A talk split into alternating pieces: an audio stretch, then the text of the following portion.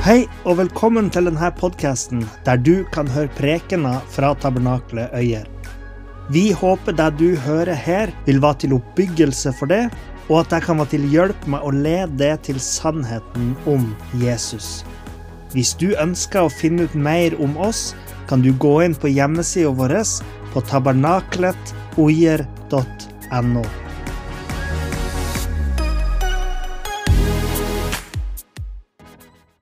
Det har jo vært mye debatt det siste året, og kanskje de siste årene, omkring eh, eh, det her begrepet 'all in for Jesus'.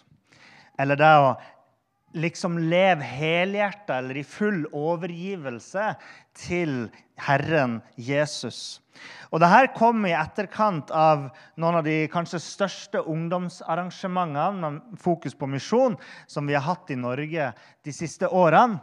Og mange hadde et problem med at kristne oppfordra ungdom til å gi hele seg til Jesus. Bl.a. i frykt for, som de sa, at ungdommen skulle miste seg sjøl, og at det kan være skadelig hvis man eh, hengir seg så sterkt i, i troa si liksom, i så ung alder.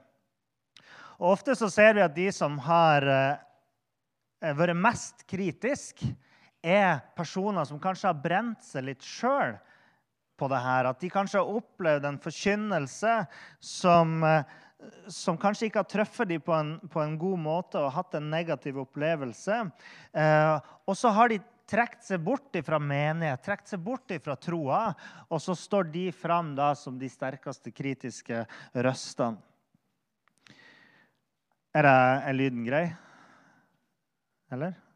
Ja, ja fint. Og selvsagt så, jeg tenker jo at Det er alltid rom for at vi skal kunne ha en sunn debatt omkring hva god forkynnelse er, og hvordan vi formidler troa vår til hverandre.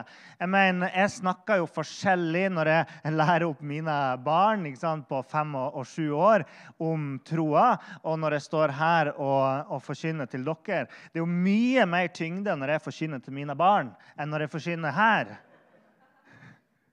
Neida, men, men det, er jo, det, er jo, forskjellig. ikke sant? Vi snakker jo forskjellig. Det er forskjellig hvordan vi, vi, kommuniserer fra person til person, fra samtale til samtale. Til og med kanskje fra situasjon til situasjon.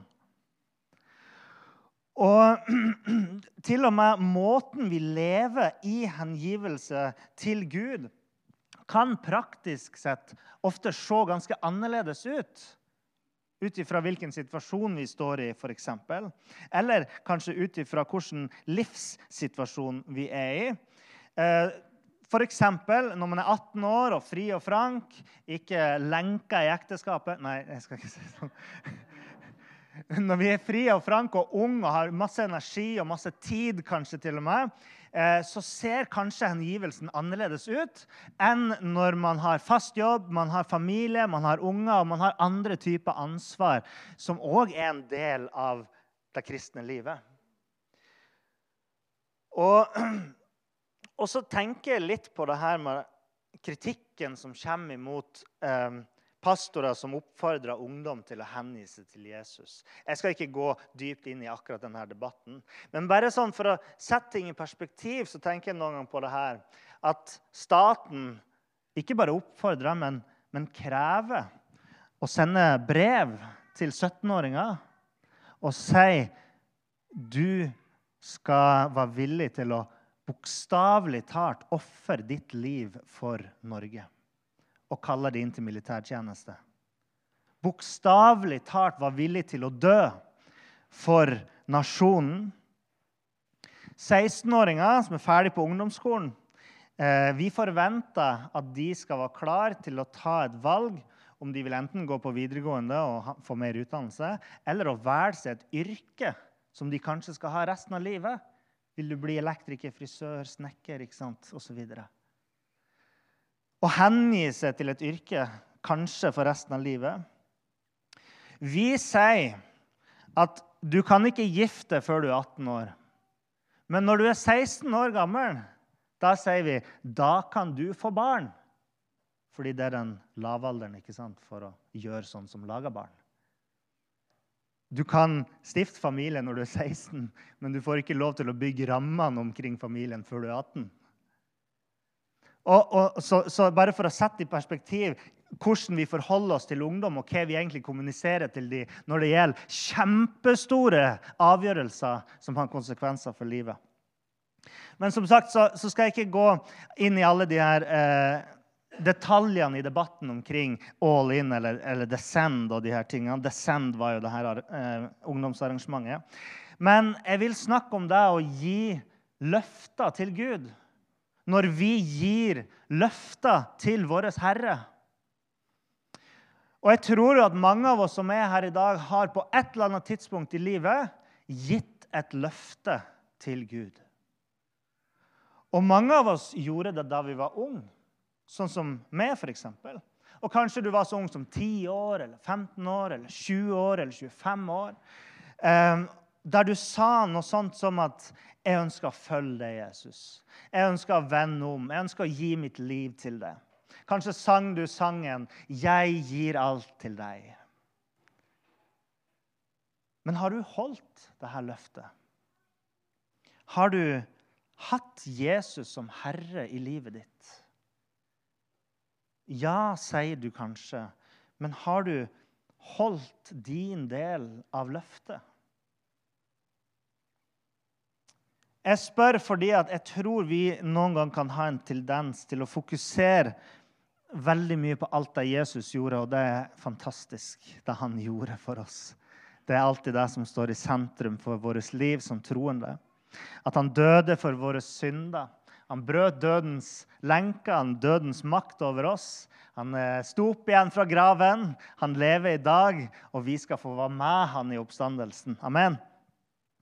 Men kanskje vi ikke da legger så mye vekt på min del av dette forholdet til Gud. Mine løfter til Han. Jeg vil jo at vi skal tenke over at når vi går inn i en relasjon til Gud, så starter vi òg faktisk ofte med et løfte. Som f.eks.: Jeg vil følge deg.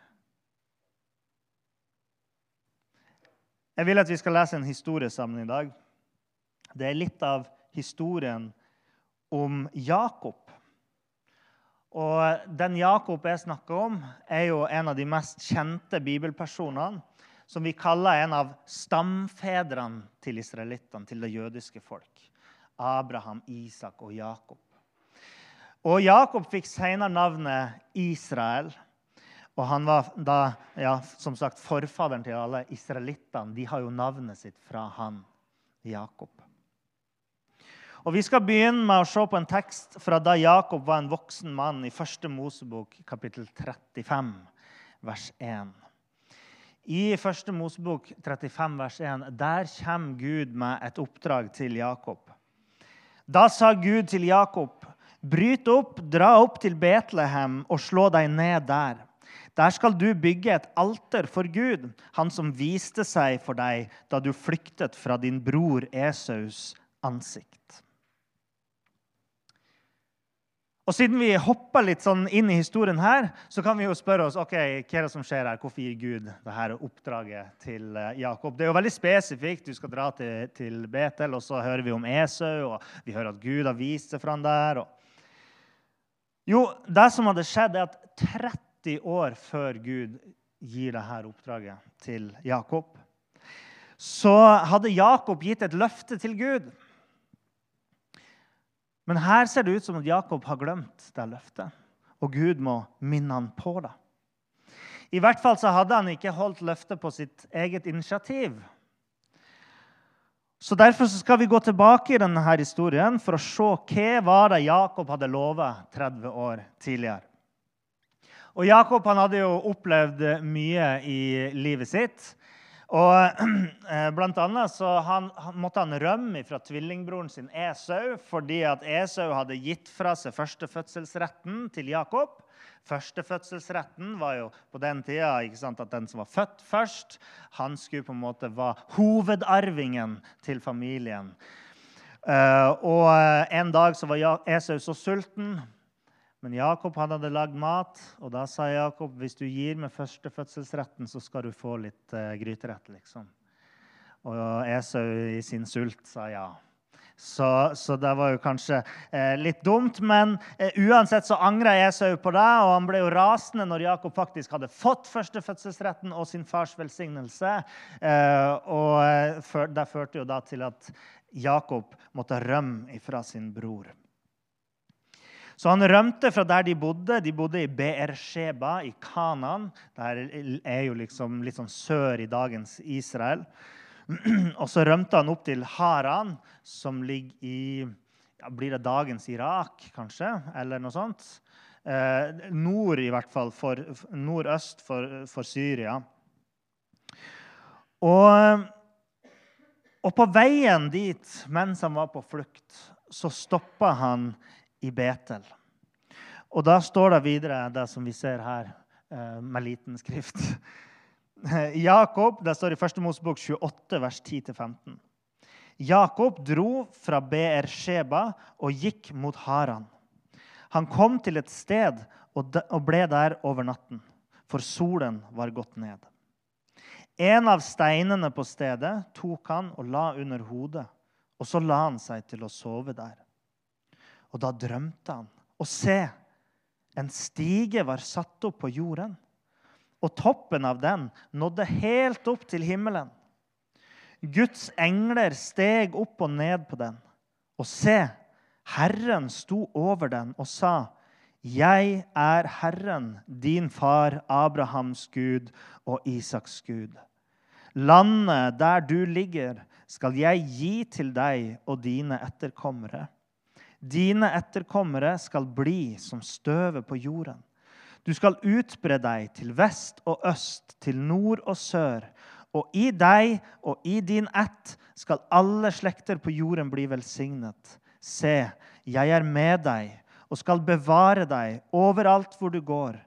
Og jeg skal føre deg tilbake til dette landet. For jeg skal ikke forlate deg før jeg har gjort det jeg har sagt deg. Jakob har en drøm her i Betel, der Gud lover han at han skal være med Jakob, og at han skulle få komme tilbake til dette landet en dag. Gud visste jo at han var på vei ut av dette løfteslandet. Men Gud sier du skal få komme tilbake. Jeg skal sørge for deg. Og Det var denne drømmen som fikk Jakob til å gi et løfte på dette stedet som kalles Betel. For Vi kan lese videre fra vers 18. 18-22. Eh, Der står det tidlig neste morgen sto Jakob opp. Han tok den steinen han hadde hatt under hodet, reiste den som en minnestøtte og helte olje over steinens hode. Han ga dette stedet navnet Betel, men tidligere hadde navnet på byen vært Lus. Så avla Jakob et løfte og sa.: Hvis Gud vil være med meg og bevare meg på denne veien jeg går, og han vil gi meg brød å spise og klær å ha på meg, så jeg kommer tilbake til min fars hus i fred. Da skal Herren, Gud, da skal Herren være min Gud. Denne steinen som jeg har reist som en minnestøtte, skal være Guds hus. Og av alt det du gir meg, skal jeg sannelig gi deg tiende. Jakob har jo flere forbehold i sin drøm, eller flere krav til Gud i, i sin bønn enn en det kanskje er, eh, er frimodig nok til å komme. Eh, hvis du bare, Gud, eh, fikser det her og det her og det her, og det her, så skal jeg stå opp i dag.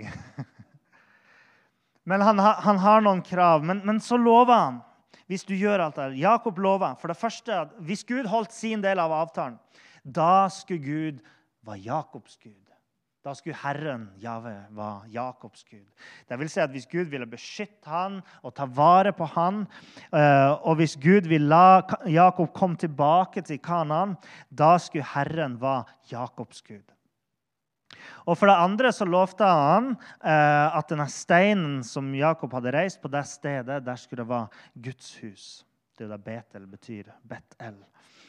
Eh, for det tredje så lover han at han skulle gi en tiende av alt han eide, til Gud. Han skulle hengi eh, sin eh, på en måte, produktet av sin, sin livskraft, skal han hengi til Gud. Og Så reiste Jakob videre til Haran. Og der bodde han i hele 20 år. 20 år. Og Gud lot det gå godt med han der. Han velsigna Jakob. Han velsigna både med familie og med velstand. Han hadde framgang i det han drev med. Og når han endelig skulle reise tilbake til Kanaan, så beskytta Gud han både fra eh, Laban og Esau. Laban var Jakobs svigerfar. Hadde, han ble ganske sånn streng når Jakob skulle fære. Ikke bare streng, men han ville egentlig at eh, Jakob ikke skulle reise. i det hele tatt. Så, så Laban forfulgte jo Jakob et stykke på veien. Men Gud fridde han fra Laban. Og når han kom fram til eh, dit han skulle, og, og så var, var, han sikkert nervøs sant, for å møte Esau. Men da kom Esau han i møte og tilga han alt. Så Gud beskytta han fra Esau. Og så står det i 1. Mosebok kapittel 33, vers 18. Så kom Jakob trygt fram til byen Sikhem i Kanans land. Han kom fra Paddan Aram, og han slo leir utenfor byen. Så nå dro han da til byen Sikhem i Kanaan. Han er tilbake i landet. Gud hadde tatt vare på Jakob, beskytta han fra hans fiender og latt han komme tilbake til landet han kom ifra. Og Husker dere Jakob sitt løfte? Når Gud hadde gjort det og det og det, førte han tilbake til landet, så sa han at da lover jeg Og Gud hadde holdt sin del av avtalen gjennom 20 år. Beskytta han og velsigna han så rikt. Og nå var Jakob tilbake i landet endelig. Men han reiste ikke tilbake til Betel, der han hadde reist denne steinen. Og Jakob han bodde i Sikhem i Kanans land i hele ti år før Gud til slutt kom med den befalinga som vi begynte med, dette oppdraget. Og Der står det i 1. Mosebok 35. Vi kan lese fra vers 1 til 5 her. Da sa Gud til Jakob.: Bryt opp og dra til, opp til Betel og slå deg ned der. Der skal du bygge et alter for Gud, han som viste seg for deg da du flyktet fra din bror Esaus ansikt. Jakob sa til husfolket sitt og til alle som var med ham.: få bort de fremmede gudene som er blant dere. Rens dere og skift klær. La oss så bryte opp og dra opp til Betel. Der vil jeg lage et alter for Gud, han som svarte meg på min trengselsdag, og som har vært med meg på den veien jeg har gått. Så ga de Jakob alle de fremmede gudene de hadde hos seg, og ringene de hadde i ørene sine. Jakob gjemte alt dette under terbintertreet eh, ved Sikhem. Så dro de av sted, og det skjedde at frykt fra Gud kom over byene som lå omkring dem, og de forfulgte ikke Jakobs sønner. Jakob hadde jo lova Gud at hvis Gud holdt sin del av avtalen, så skulle han ha Herren som sin Gud. Han skulle dra tilbake til Betel, der Gud hadde gitt ham denne drømmen med alle de her løftene. Og han skulle gi tiende til Gud. Hadde Jakob hatt Herren som sin Gud? Det virka ikke sånn. Fordi det vi leser i denne teksten, er at umiddelbart etter at han får dette oppdraget fra Gud, så er det første han sier, få avgudene ut av husene. Det var fullt av avguder i alle hjem og hus i på en måte familien til Jakob. Så de måtte ha slutt med det. Hadde de hatt Herren som sin Gud? Vel, det virka ikke sånn. Han har gått 30 år uten å huske sine løfter, og husene er fulle av avguder. Hadde han gitt tiende? Det vet vi jo ikke sikkert, men igjen Hvis de hadde avgudsdyrkelse, så var det jo vanlig på den tida å ofre til avgudene. ikke sant? Så hva skal man tro? Hadde, gitt, hadde Jakob alene gitt tiende til Gud? Hadde han dratt til Betel? Nei, det vet vi at han ikke hadde. Så det ser ganske tydelig ut som at Jakob hadde glemt sine løfter til Gud. Er dere med? Det er liksom enklere for oss mennesker å være fornøyd så lenge Gud har gjort sitt. Er det ikke sånn? Vi hviler i nåden. Men skal vi bli lat av den grunn? Skal vi glemme Gud og våre løfter til Han? Jeg tror at denne historien peker på noen ting som vi troende bør huske på. Det første er at Gud vil at vi skal holde det vi lover. Når vi lover noe framfor Gud Det er side nummer seks. Ja. Mm. Når vi lover noe framfor Gud, så er det ikke bare tomme ord for han. Det er ikke sånn at Gud ikke bryr seg om ting som du sier til han. Det er kanskje noe som vi kan tenke noen ganger at ja, ja, jeg lovte kanskje det, men sant, Gud tilgir meg hvis jeg bare ikke holder akkurat det. Eh, og vi kan jo godt tenke på han der som, som var i nød. Eh, eh, han som vanligvis ikke går i kirka, som vanligvis ikke eh, ber til Gud. Men, men, i nødens time så sier han til Gud, 'Gud, hvis du bare frir meg fra denne nøden, så lover jeg det. Jeg skal bli munk. Jeg skal hengi mitt liv til deg i et kloster.' Så snart nøden er over Vel, du så ikke han i et kloster, for å si det sånn. Da er løftet glemt. Men det står i Forkynneren, kapittel 5, vers 3-4. Når du gir Gud et løfte, skal du ikke drøye med å innfri det. For han har ikke velbehag i dårer. Gi det du har gitt løfte om. Det er bedre at du ikke lover, enn at du lover og ikke holder. Har du gitt Gud et løfte om at Jesus skal være herre i ditt liv? Lovte du en gang at livet ditt skulle være en gudstjeneste for Herren? Lovte du en gang at du skulle vende bort ifra synd? Har du holdt det?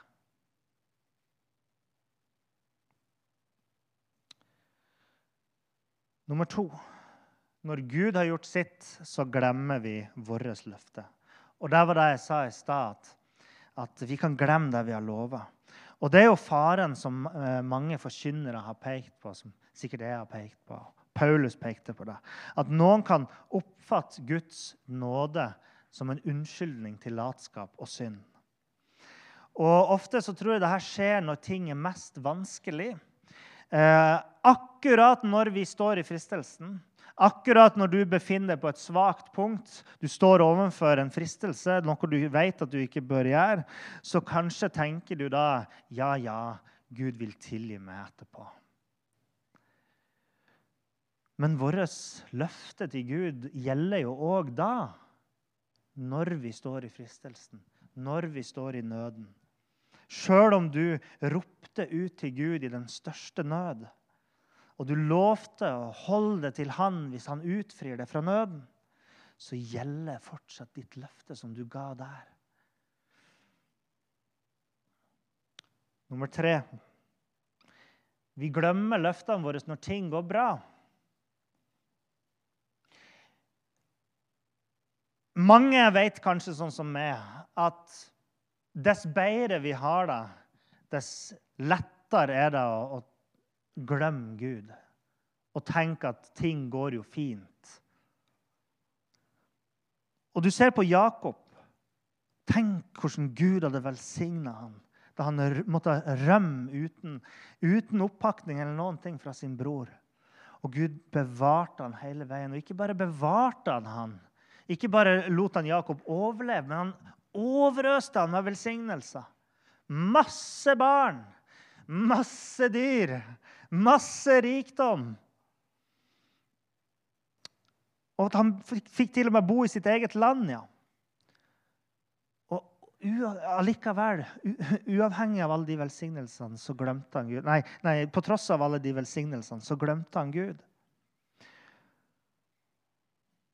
Og jeg har en mistanke om at for mange kristne så er det nok ofte lettere å be sånne bønner om ting vi kan få, enn å be takkebønner og huske på det han har gitt oss. Og når det er lettere å be om ting vi ønsker å få, eh, og vi ikke er like flinke å be takkebønner, så er det jo desto lettere å glemme på en måte eh, alt det som måte Gud allerede har gitt oss. og at kanskje det er på tide at jeg gir noe til han. Ikke fordi at du skal bli frelst, selvsagt, men fordi at vi har lova å gi han noe. Og det kan eh, noen gang ta lang tid før vi blir oppmerksom igjen på den åndelige stagnasjonen som vi står i. Når vi har det bra, mener jeg.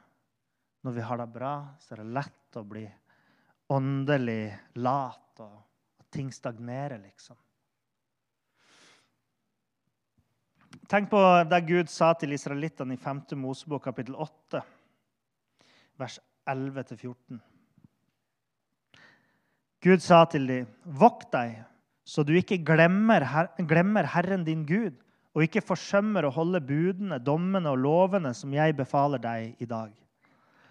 Når du har spist og er mett, når du har bygd vakre hus og bor i dem, når storfe og småfe ditt blir tallrikt, og du får sølv og gull i mengder, og alt du eier, blir mer og mer, da vokt deg, så du ikke opphøyer deg og glemmer Herren din Gud, som førte deg ut av Egypt, ut av slavehuset. Og noen ganger så tenker jeg å, det er godt å bo i Norge. For en velsignelse det er. Vi har virkelig vunnet i lotteriet, ikke sant, som har blitt født her. Men er det bare godt for oss å ha det så godt? Jeg tror mange mennesker de glemmer Gud fordi de har det så godt. Gud han vet om denne faren, og han har advart oss om det.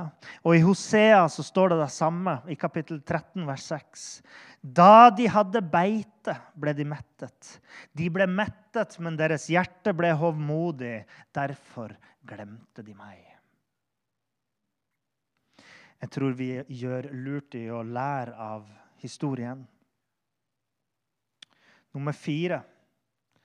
Vi har lett for å glemme våre løfter når vi påvirkes av verden. Rikdom er jo på en måte en, en påvirkning fra verden.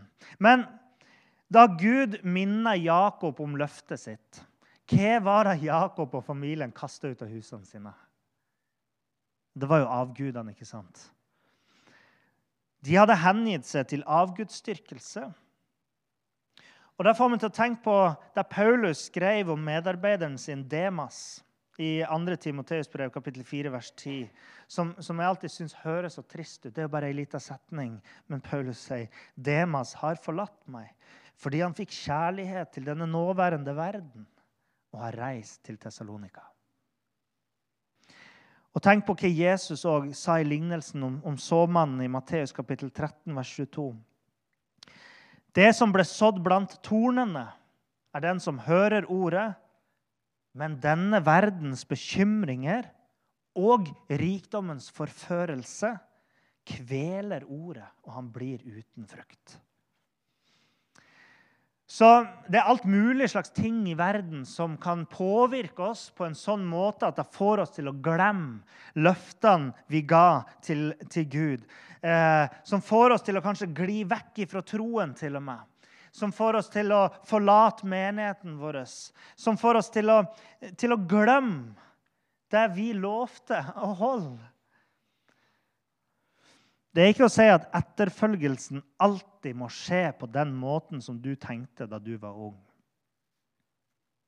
Kanskje ser etterfølgelsen annerledes ut når man blir eldre. Hvis vi har glemt våre løfter, så kan vi jo finne tilbake til der vi var. Jakob han fikk omsider komme seg tilbake til Betel, eh, der hvor han først hadde avlagt sitt løfte til Gud. Og Jesus han måtte òg minne ei menighet. Det var menigheten i Efesus. Han måtte minne dem på at de hadde glemt sin første kjærlighet. Det står i Åpenbaringen kapittel 2, vers 4-5. Der sier Jesus.: Likevel har jeg dette imot deg, at du har forlatt din første kjærlighet. Husk derfor hvor du er falt fra, Omvend deg og gjør de første gjerningene. Ellers skal jeg brått komme over deg og flytte lysestaken din fra sitt sted hvis du ikke omvender deg. De var nødt til å vende tilbake til det stedet der de hadde falt ifra. En eller annen plass på veien så hadde de mista det de egentlig skulle stå for. De hadde gått vekk fra den kjærligheten. De hadde forlatt det livet der de levde i løftene sine til Gud.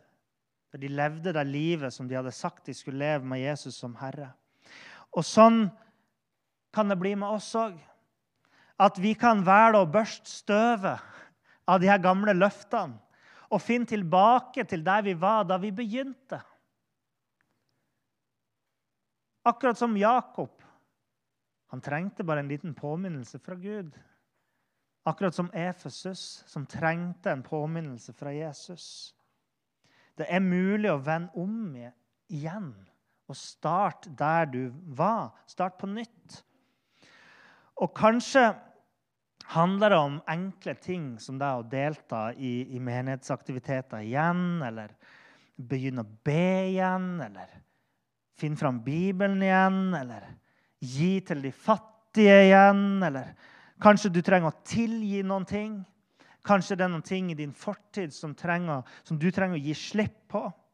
Kanskje du trenger å strekke deg etter nåden igjen og finne at nåden er like god i dag som da du fant den første gang.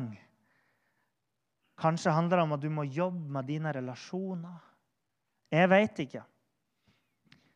Men det som er så fantastisk med historien om Jakob og menigheten i Efesus, er jo nettopp det her at Gud gir dem en påminnelse. Gud strekker ut en hand til dem. Og, og for meg så er det bare så befriende at jeg kan tenke at jeg kan gå tilbake til de løftene som jeg har gitt. Og jeg trenger ikke å være redd for at Gud da vil stå der og møte meg med fordømmelse og dom. Men når du frimodig kommer tilbake til de løftene som du en gang ga, så står han der og sier 'velkommen igjen'. Her er jeg, og jeg vil hjelpe deg. Og det tar meg til mitt siste punkt her. Og det at når vi holder våre gamle løfter, så venter nye velsignelser. Jeg tror at det å leve for Gud er et rikt liv. Ikke fordi vi nødvendigvis får økonomisk velstand, men at det er en åndelig rikdom. Fordi Gud er levende og personlig. Gud har direkte kontakt med oss mennesker gjennom Den hellige ånd. Den hellige ånd taler til oss og er nær oss. Så det å leve trofast for Gud sammen med Han er i seg sjøl et rikt liv. Og så kan du godt kalle meg en idealist. Men jeg tror på det her at, at mennesker kan vende tilbake til Gud. Om de så har rota seg bort, så er det mulig for de å finne veien tilbake. Folk kan finne veien tilbake til Guds rikdom. Og jeg tror at dette er noe som Gud vil, som han ønsker, noe han har venta på. Og jeg vet ikke her, men kanskje kaller han på noen sitt hjerte her i dag om å komme tilbake til de løftene du ga. Og vi ser at når Gud endelig oppfylte sitt løfte Det står i 1. Mosebok 35, vers 9-12. Når Jakob endelig oppfylte sitt løfte, så møtte Gud han og, og, og minnet ham på løftene som Gud hadde gitt gitt til Isak og Abraham, Jakob sine forfedre. Da Jakob kom fra Padam Aram, viste Gud seg for ham igjen, og han velsignet ham. Gud sa til ham, 'Ditt navn er Jakob.' 'Ditt navn skal ikke lenger kalles Jakob, men nå skal Israel være ditt navn.' Så kalte han ham Israel. Gud sa til ham, 'Jeg er Gud den allmektige.' Vær fruktbar og bli mange. Et folk og en skare av folkeslag skal stamme fra deg, og konger skal utgå fra ditt liv. Landet jeg ga til Abraham og Isak, det gir jeg deg, og dine etterkommere gir jeg dette landet. Og sånn kan det være for oss òg. at når vi kommer tilbake til Gud, som jeg sa i stad, så er det ikke straff som venter oss. Det er ikke pekefinger og kjennepreken. Men hos Gud så er det nye velsignelser å få når man kommer tilbake til Han. Gud er en god far, og han gir oss ikke onde gaver, men han gir oss gode gaver. Og Når vi kommer tilbake til Han i omvendelse og i bønn og hengivelse, og vi påkaller Han på ny, når vi hengir vårt liv til Han på nytt og på nytt, så står Han der klar til å gi sine åndelige velsignelser igjen. Der står at hver den som påkaller Gud, skal bli frelst. Det er mange som ikke vil at man skal leve hengitt til Gud. Det er mange som ikke ønsker at vi kristne skal holde våre løfter til Gud. Og det er mange til, som er kritiske til tanken om omvendelse fra synd. Det er å fornekte seg sjøl og følge Jesus. Det er mange stemmer i samfunnet som sier at radikal etterfølgelse er noe som er skadelig for oss. Og så er det mange ting i verden i tillegg til de her stemmene, som gjør at vi kanskje på et eller annet tidspunkt velger å glemme løftene våre, eller tilfeldigvis glemme løftene våre, sånn som Jakob. Og det er lett for oss å forsømme vår forpliktelse, sånn som menigheten i Efesus. Så hvordan går det med dine løfter? Nå har jeg snakka en stund, og kanskje har du tenkt på det sjøl og, og, det som du kanskje har lova Gud. Har du holdt dine løfter? Og hvem er Guds løfter til det? Har han ikke vært med det? Har han ikke sett det? Har du ikke fått Den hellige ånd? Har ikke Jesus stått opp fra de døde og lova det? At hvis du tror på hans døde oppstandelse, så skal du bli frelst. Har han ikke gjort det for det? Eller har du glemt løftene dine, sånn som Jakob gjorde? Hvis det er tilfellet, så, så ber jeg deg om at du skal komme tilbake til Gud. Kom tilbake til de løftene som du ga ham. Og du skal få himmelens velsignelse. Du skal få arven som Guds barn har, rett på i Jesus Kristus, som er evig liv. Og kanskje er det noen her som ennå ikke har overgitt seg til Jesus. Og i så fall så kan du òg motta evig liv i dag i Den hellige ånd. Du kan komme til Gud i tro på Jesus, og, og Den hellige ånd skal fylle det med nytt liv. Det står i Johannes 3, 16. For så høyt har Gud elsket verden at han ga sin sønn, den enbårne, for at hver den som tror på ham, ikke skal gå fortapt, men ha evig liv. Og jeg vil si at Gud han kan helbrede dine sår. Hvis det er noen gamle sår i ditt liv som gjør at du har trukket det litt tilbake og holdt Gud litt på avstand, så vil jeg gjerne be om at Gud skal helbrede dine sår i dag. At Gud kan helbrede ditt hjerte. Jeg vil at Gud skal komme til det og løfte opp ditt mot. Ikke frykt for at du har gitt for store løfter til Gud. Jeg vet at når folk synger eh, 'Jeg gir alt til deg', så synes de det er et stort løfte. Men la oss ikke frykte løftet som vi en gang har avgitt. Men eh, kom til Gud og be om mot. Gud han kan helbrede dine sykdommer og dine plager.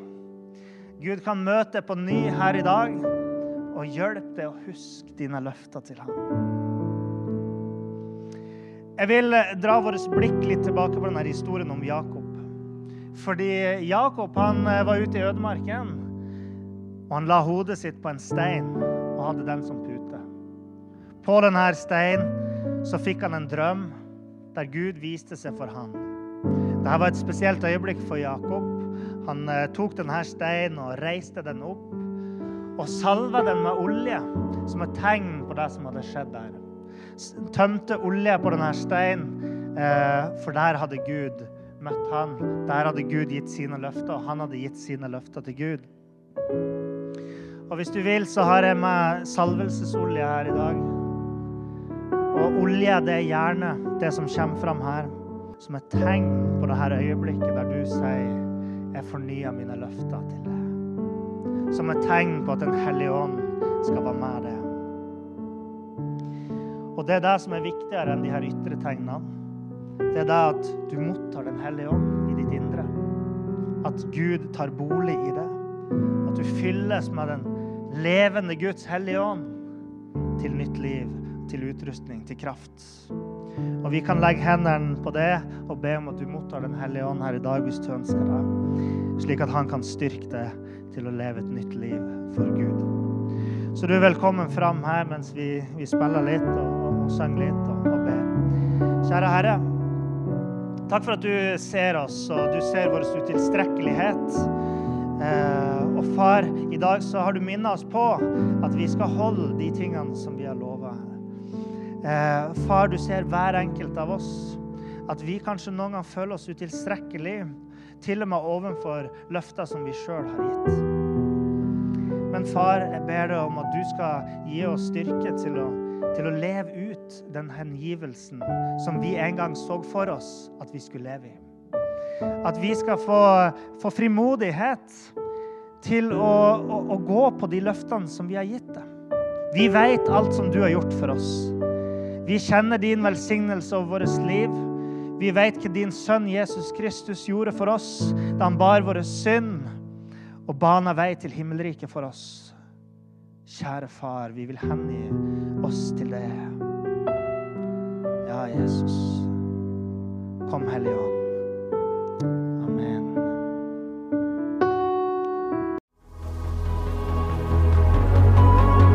Takk for at du hørte på.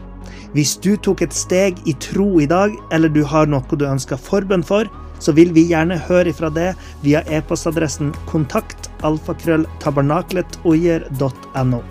Du er òg velkommen til våre ukentlige gudstjenester i menighetslokalet i Haugskutua 5 26 36 Øyer.